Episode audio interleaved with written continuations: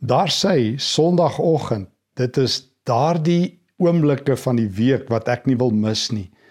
Wanneer God se woord die lig vir my pad en die lamp vir my voet is.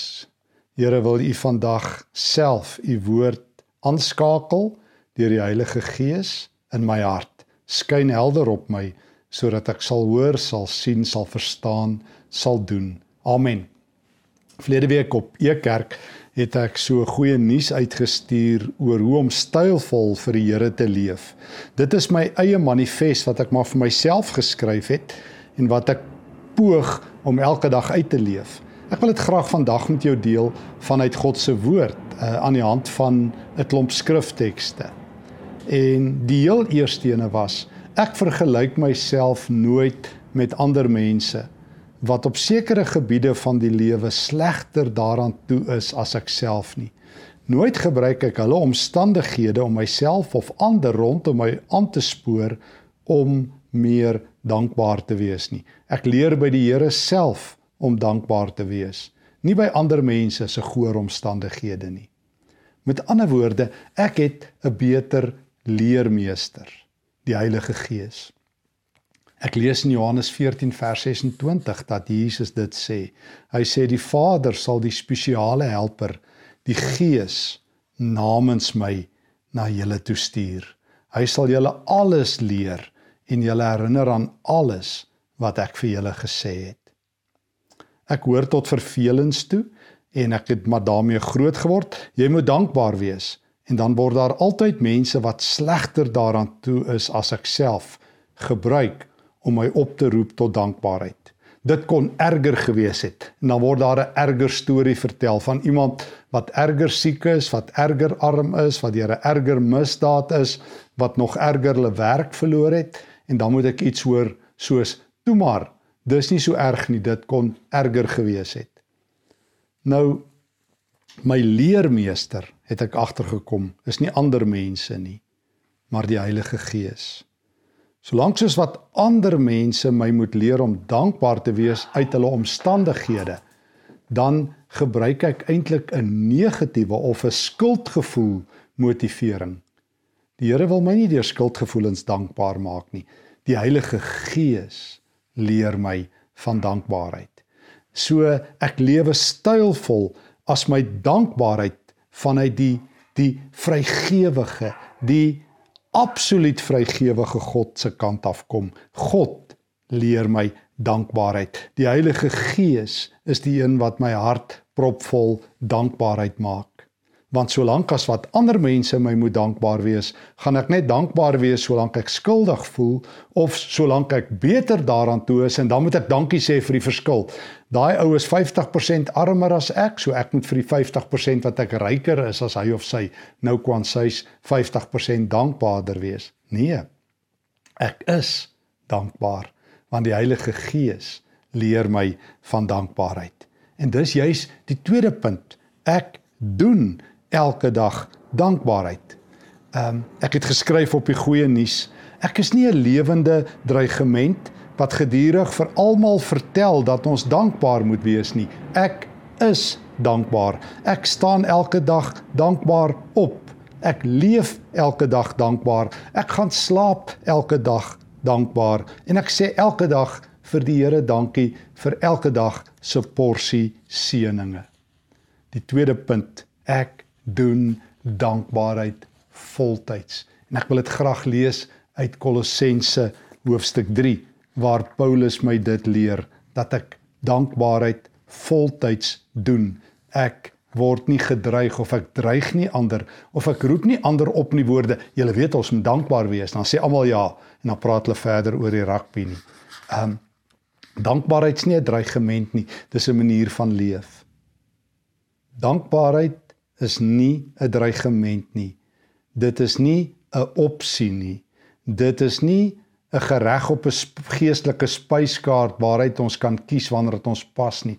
Dankbaarheid is die normale Christelike lewe wat Christene spontaan leef elke dag. Paulus skryf Kolossense 3:17 En wat julle ook al sê of doen of sê, doen dit alles in die naam van die Here Jesus So sê julle vir God die Vader dankie deur hom. En dan sê Paulus net hierna vir die slawe vers 23 wat julle ook al doen doen dit met entoesiasme. Doen dit met julle hele hart omdat julle dit vir die Here doen en nie vir mense nie. Doen dankbaarheid voltyds. Moenie net dreig nie. Moenie net sê ons moet dankbaar wees nie. Dis die normale Christelike lewe en daarom begin jy jou dag met 'n dankgebed daarom sluit jy jou dag af met 'n dankgebed. Moenie met jou selfoon begin nie. Ek sit hier met my selfoon omdat my notas hierop is, nê? Maar jy jy sit nie heel eers jou selfoon aan en kyk terwyl jy geslaap het wat het in die wêreld gebeur nie. Jy begin deur vir die Here te sê: "Dankie Here, ek leef. Vandag is U dag. Ons gaan dit leef hoek en wal vir U." En vanaand voordat jy jou lig afsit, kyk jy nie nog vir oulaas op jou selfoon nie. Jy sê vir die Here: Wat 'n dag. Jy slaap dankbaar, jy staan dankbaar op en tussenin doen jy dankbaarheid. 1. Ek het 'n beter leermeester, die Heilige Gees. Die Heilige Gees leer my om reg te lewe en van dankbaarheid. Tweedens, ek doen as my normale Christelike lewe elke dag dankbaarheid. Ek onthou dit is ehm um, was dit C.S. Lewis wat die boek geskryf geskryf amper seker in Engels geskryf het surprised by joy. Hy sê ehm um, meeste Christene is eintlik verras as daar blydskap is. Hy sê um, ons is eintlik verras. Ons vra graag vir mense as hulle bly is, nou wat het oor jou lewe geloop? Ons moet eintlik die teendeel doen. As 'n Christen so bietjie ongelukkig lyk, moet ons vra wat het oor jou lewe geloop dat jou vreugde wat deel is van die Heilige Gees se werk in jou lewe, aldus um, die gawes van die Gees en die vrug van die Gees dat jy nie dankbaar is nie. Derde deel van die manifest oor hoe lyk 'n stylvolle lewe vir die Here. Ek leef opbouend. My gawes, ek is daar tot voordeel van ander mense. Ek lees soos ek dit op die goeie nuus geskryf het. Ek kies om nie deel te neem aan negatiewe gesprekke nie. Ook kritiseer ek nie gedurig alles en almal rondom my wat dinge verkeerd doen nie. Daar is oorgenoeg ander mense wat dit doen. Ek hoef nie ook nie. Nou wil ek graag lees uit 1 Korintiërs 12 vers 7. Sjoe, hier is 'n kanon van 'n teks ouens. Dis jammer dat ehm um, 1 Korintiërs 12 uit die uit die Bybel uit weggeraak het. Ek dit is nie kanon, ek praat uit ons daaglikse Bybel dat min Christene indien enig is dit ooit aanhaal. Hoor net wat skryf Paulus in 1 Korintiërs 12 vers 7. Aan ons elkeen word 'n spesiale openbaring deur die Gees gegee. Die bedoeling hiermee is dat ons dit tot voordeel van mekaar moet gebruik. Die kerk beklei hulle dood oor gawes. Moet jy in vreemde tale praat, doen jy wonderwerke? Niemand uh, na my wete praat ooit daaroor oor die vraag doen jy of het jy jou talente gekry tot voordeel van ander nie. Die Here gaan vir ons vra. Hy gaan waaragtig eendag vir ons vra. Stefan, die 2 of 3 talente wat ek jou gegee het en jy wat deel is van u kerk. Wat het jy daarmee gemaak? Daardie groot Matteus gelykenis daar Matteus 25 tot daarby vers 30 vanaf vers 14 as ek reg onthou van die talente het jy dit tot voordeel van ander en tot my eer gebruik. Um ek is hier nie ter wille van myself nie. Ek is nie hier om eendag saam met um die sangers te sing I did it my way nie. Die Here gaan my vra, did you do it my way, God's way and did you do it to the advantage of others? Het jy ander mense bevoordeel? So as jy 'n talent het kry ander mense die voordeel. As jy sing, sing jy tot eer van die Here. As jy kan tegniese vaardighede het, doen jy dit vir die Here. As jy dit preek, doen jy dit tot voordeel van ander. Die enigste vraag is: doen jy dit tot voordeel van ander? Dan is daar nie tyd om heeldag te sit en prut saam met al die negatiewes nie. Dan is daar nie tyd om negatiewe gesprekke te hê en kritiese gesprekke nie. Ek meen, Die afgelope week in Suid-Afrika het klein goedjies weer opgeblaas tot reuse probleme. Um ek het so 'n boek ergens op my rak, Don't sweat the small stuff. Moenie die klein goedjies reuse berge maak nie. Maar maar leef opbouend, dan het jy nie tyd nie. Vra in elke situasie, hoe sal dit wat ek sê, dit wat ek doen, hoe ek my talente gebruik, jou opbou, uh, ander mense help. Nie hoe gaan ek jou afkraak, afbreek, bo op jou staan, jou afdruk nie. daarmee blink ons uit. As ek 'n volgeling van die Here is, het ek 'n beter leermeester, die Heilige Gees Johannes 14. Is ek dankbaar Kolossense 3? Ehm um, word ek nie gedreig nie en leef ek opbouend, dan het ek nie tyd om saam met al die negatiewes negatiewe gesprekke te hê nie. Vierdens ek dra ander mense se laste. Ek oefen my daarin om 'n naaste vir ander mense te wees. Ek vra gedurig vir die Here om my vir die nood en behoeftes van ander mense sensitief te stem. Ek oefen my daarin om ander se laste op my skouers te tel soos wat Galasiërs 6 my leer.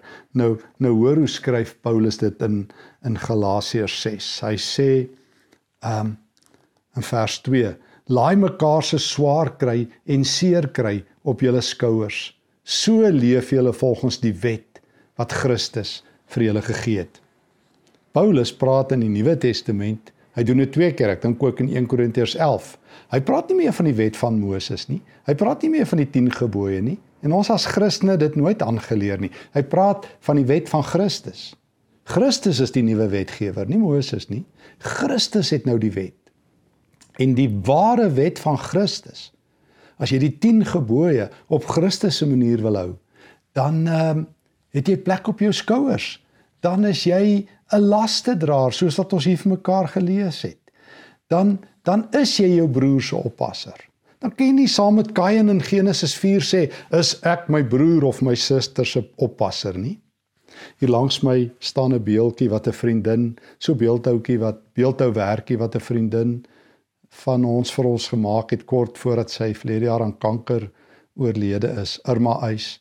En so 'n paar weke voor haar dood het ek eendag by haar na 'n man in Stellenbosch gekuier en ons het saam geëet en sy het vir my hierdie beeldjie gegee en sy het sê dis so dringend dat sy dit moet klaarmaak van van dit beeld sekerlik die Here Jesus uit wat iemand se laste dra. O ons weet hy het vir ons gesê Matteus 11 kom na my toe en dra my juk en en en ons het by hom geleer dat ons al ons behoeftes in gebed en smeking soos Paulus ons leer en met danksegging aan God kan bekend maak.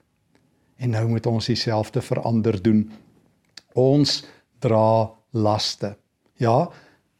Hoor wat sê ons vandag vir mekaar? Ons het 'n beter leermeester as ons omstandighede of ander mense se omstandighede. Ons is God geleerd. God leer ons met ander woorde. Ons het tweedens vir mekaar gesê ons is mense wat dankbaarheid doen. Ons word nie gedreig om dankbaar te wees nie. Ons sê derdens vir mekaar, ons neem nie deel aan negatiewe gesprekke nie, want ons is geroep om opbouend te leef, opbouend te praat en ons gawes aan te wend. Ons breek nie af nie, kraak nie af nie, slaan nie stikkend nie. Al doen die res dit, ons bou op deur ons talente en ons dra ander mense se laste. My vraag moet altyd wees: Hoe kan ek jou dien? Hoe kan ek jou help? Hoe kan ek jou nood 'n stukkie op my skouers sit? Nee, ek het nie baie plek nie, my skouers is smal. Maar daar's plek. Nee, ek het nie baie uh, my hand is nie baie groot nie. Maar dalk is daar ietsie in my hand wat ek vir jou kan gee. Nee, ek het nie baie geld nie, maar miskien kan 'n paar sente maak dat jy ten minste nie vanaand honger gaan slaap nie. Nee, ek is nie 'n supergelowige en 'n superbidder nie en ek het nie die wêreld se hulpmiddels nie. Maar as ek vanaand die Here aanroep en jou nood op my skouers sit en nie vir myself bid nie, maar vir jou bid, sal die lewende God hoor. Daarom is ek 'n voltydse draer van laste. Ek doen God se wet. Die Nuwe Testamentiese wet van Christus. Ek kom onder jou in. Ek dra jou laste. Nog 'n manier hoe ek stylvol vir die Here moet leef. Uh vyftens, ek is 'n opsoeker van goeie nuus. Ehm um, kan ek dit lees soos ek dit op die goeie nuus geskryf het? Ek is gedurig op soek na al die mooi dinge wat die Here besig is om in ander mense se lewe te doen en in die wêreld rondom my. Ek weier om saam te stem met diegene wat gedurig vertel hoe sleg dit in die kerk en elders gaan. Ek weet God is besig om sy koninkryk oral te laat gebeur. Daarom kyk ek uit vir elke mosterdsaadjie wat besig is om te groei tot 'n groot plant in sy koninkryk. O, in Markus 4 vertel Jesus, onthou jy die gelykenis? Jy ken dit van die mosterdsaadjie, die kleinste ou plantjies wat uitgroei tot die heel grootste in God se koninkryk en wat dan verskriklik baie vrugte dra. Hy sê, um, kom ons lees dit net, vers 30 van Markus 4. Jesus sê, "Waarmee sal ons die wêreld van God kan vergelyk? Watter storie kan ek julle vertel sodat julle dit beter kan verstaan?" Wel, luister hierna. Die saadjie van 'n mosterdplant is die kleinste van alle saad wat 'n boer in sy tuin kan plant. Maar as dit geplant is, groei dit so goed dat dit groter word as al die ander plante in die groentetuin. Die takke word so groot en maak soveel skade weer dat voëls hulle neste daar kom maak. Dis maklik om moeilikheid raak te sien, dis nie moeilik nie. Daar's die moeilikheid gebeur vinniger as wat daar dae en 'n jaar is. Jy het skaars nog die eerste moeilikheid verwerk, dan sal 10 nuus op jou. Maar Christen is geroep, kan ek dit weer sê vir myself sodat Stefan dit kan hoor om nie dit raak te sien nie, maar om die goeie nuus waarmee God besig is raak te sien. God se koninkryk is aan die kom. God se koninkryk is oral aan die kom en hoe meer ek my oë daarvoor oopmaak in die afgelope tyd by gemeentes en oral waar ek kom en in die wêreld, sien ek Christen op Christen wat besig is om die wêreld te verander. So ek weier om die oë te hê van mense wat net alles wat verkeerd is raak te sien. Ek weier om die ore te hê wat net altyd moeilikheid hoor. En dan kan mense maar vir my sê ek is naïef want ek weet daar is 'n ander wêreld. God se koninkryk is besig om te gebeur. Het jy gesien? Het jy die afgelope week gesien? Ek wens ek het kom vir jou vertel van mense uh wat vir my vertel het hoe die Here hulle uh, gehelp het en uitgehelp het. Ek wens ek het genoeg tyd gehad om te vertel van bekerings en van gemeentes wat die wêreld omkeer en van individue wat op die voorpunt vir Jesus lewe. Om hulle raak te sien, vra dat jy agter die skerms moet inkyk. Maar ek wil graag 'n verspreider van goeie nuus wees, van Jesus se nuus, van die koninkryk wat aanbreek, van nog 'n mosterdsaadjie wat geplant is wat op pad is om 'n groot boom in die tuin te word wat skade weer en skuilplek vir ander bied. Ek weier om die wêreld se stories agterna te vertel of agterna te lewe. Ek wil stylvol vir die Here lewe. Ek wil deel wees van mosterdsaadjies wat groei tot reuse bome. En dan nommer 6 uh eh, in die goeie nuus wat uitgestuur is. Ek is vrygewig. Ek is vrygewig. Kan ek dit lees? Ek bid nie maar net gedurig dat die Here met minder bevoorregte sal wees nie. Ek sorg dat ek self die antwoord is op sulke gebede deur my lewensmiddels met ander mense te deel. Ek weet ek het altyd iets om weg te gee, 'n stukkie brood, 'n gebed, 'n opbeurende woord, 'n kuier. Ek sorg dat ek my geloofsbelijdenis naamlik dat Christus die Here is, elke dag uitlewe. Ek het nie die luukse om maar net ehm um, te dreig nie of om maar net te sê kyk hoe gaan dit nie. Kan ek weer my allergunsteling teks lees? Ag en ek ek het elke keer maar hierdie ou holrigeryde verhaaltjie wat ek vertel as ek by hierdie teks kom en ek gaan dit weer vertel sodat ek dit sal hoor. In Handelinge 20 Ek het een keer vertel toe ek Handelinge 20 vers 34 gelees het. En dalk het dit al met jou ook gebeur. Weet, mens lees die Bybel, jy lees een vers 10, 20 keer. En net op 'n dag gaan slaan dit asof 'n weerligstraal jou tref, slaan daardie vers jou so tussen die oë tot in jou hart. Dan is dit asof die Heilige Gees daai vers vat en hom so in jou siel inbrand. En dit het met my gebeur in Handelinge 20 toe ek op 'n dag vers 34 en 35 lees. Toe dink ek, Here, wat sê U vir my? En hoekom doen ek dit nie? En hoekom is dit nie die hartklop van elke Christen nie? Hoor net, Paulus is besig om afskeid te neem van die ouderlinge van Efese.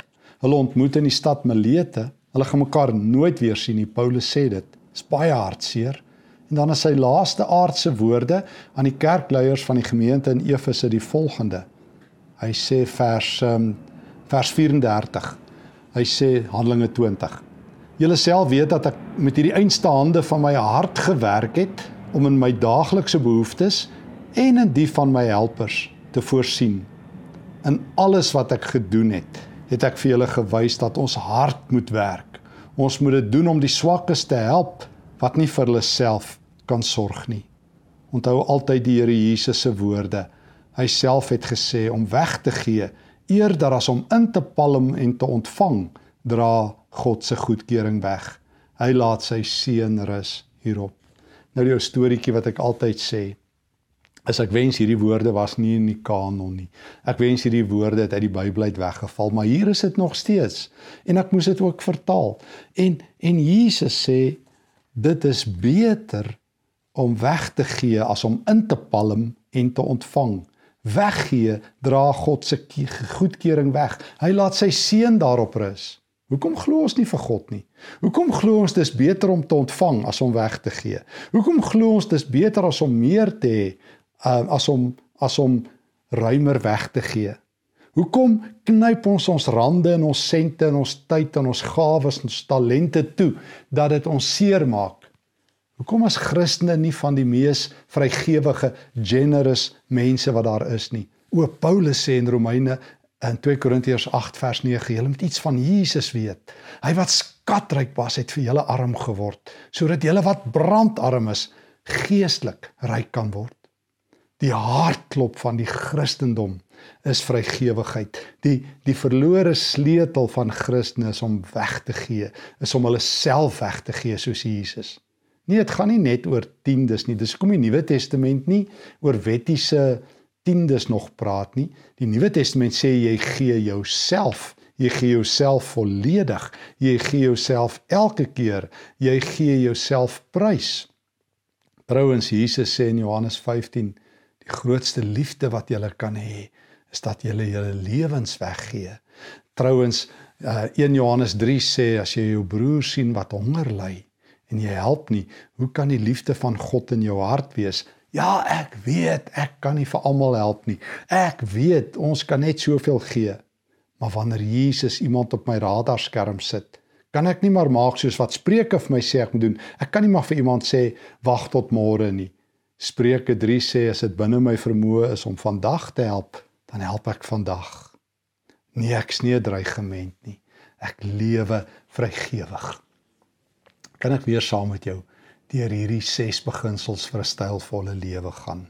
Ek vergelyk myself nooit met ander mense wat op sekere gebiede van die lewe um slegter daaraan toe is as ek self nie. Sjoe, verskoon die vliegtye, hulle is besig vandag. Want ek het 'n beter leermeester. Ek het die Heilige Gees. Ek weet by hom wat is reg. Hy leer my van dankbaarheid. En daarom tweedens, ek doen dankbaarheid.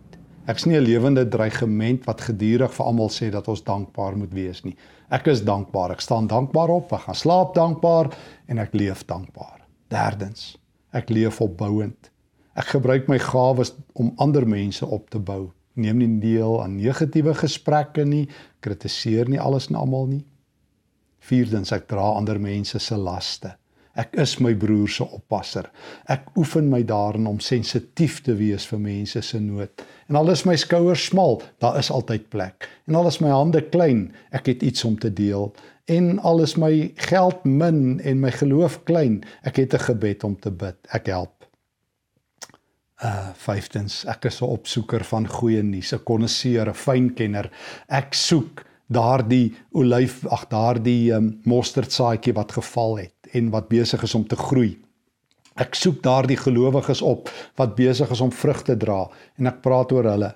Terwyl almal sê kyk waar gaan alles heen, sê ek vir hulle kyk waar gaan God se koninkryk heen. Dit groei dat dit klap.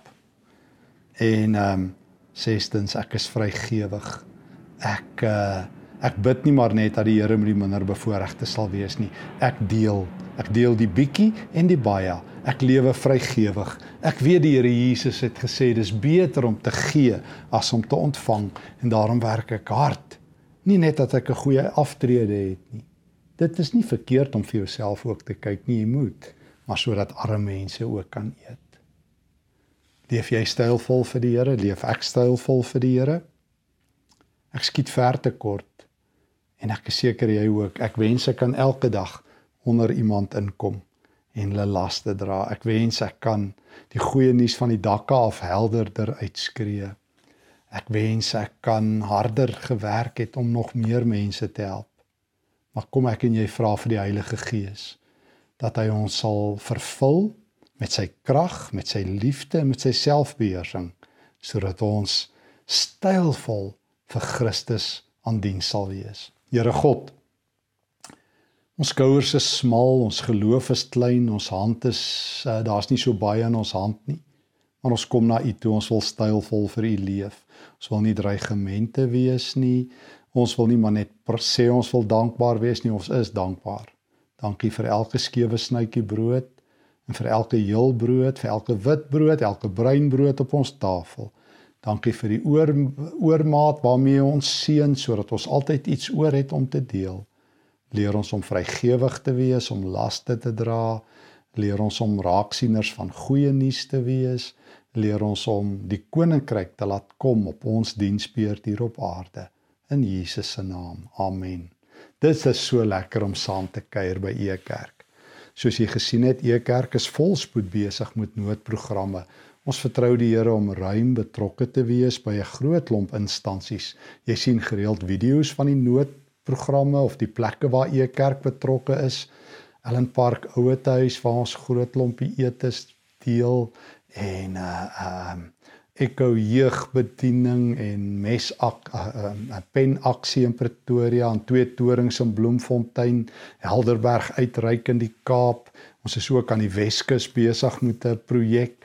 Ehm um, dankie vir almal wat betrokke is. Ons vertrou dat die Here se geld ruim sal werk. Jy uh, is ook welkom by al e kerk se Bybelskole, al die Bybelreise op Vrydag en ehm um, ja, ek weet nie van nog tyd oor is of plek oor is nie, maar jy kan gaan kyk, daar's ook ons passiespel toer 29 September tot 10 Oktober en ehm um, al die ander lekker dinge wat jy op e kerk kan naspeur. Mag die Here vir jou ryklik seën. Mag jy stylvol tot eer van die Here leef. Ek sien uit om volgende Sondag verder saam met jou te reis. Ek het hierdie uh, preek voor die tyd opgeneem omdat ek uh, vandag letterlik um, Pinkster hou by Hartenbos gemeente en volgende Sondag by Pelisier in Bloemfontein, maar ek het ook die voorreg om son hierdie Sondag saam met jou by E Kerk te reis. Dankie vir die voorreg. Vrede.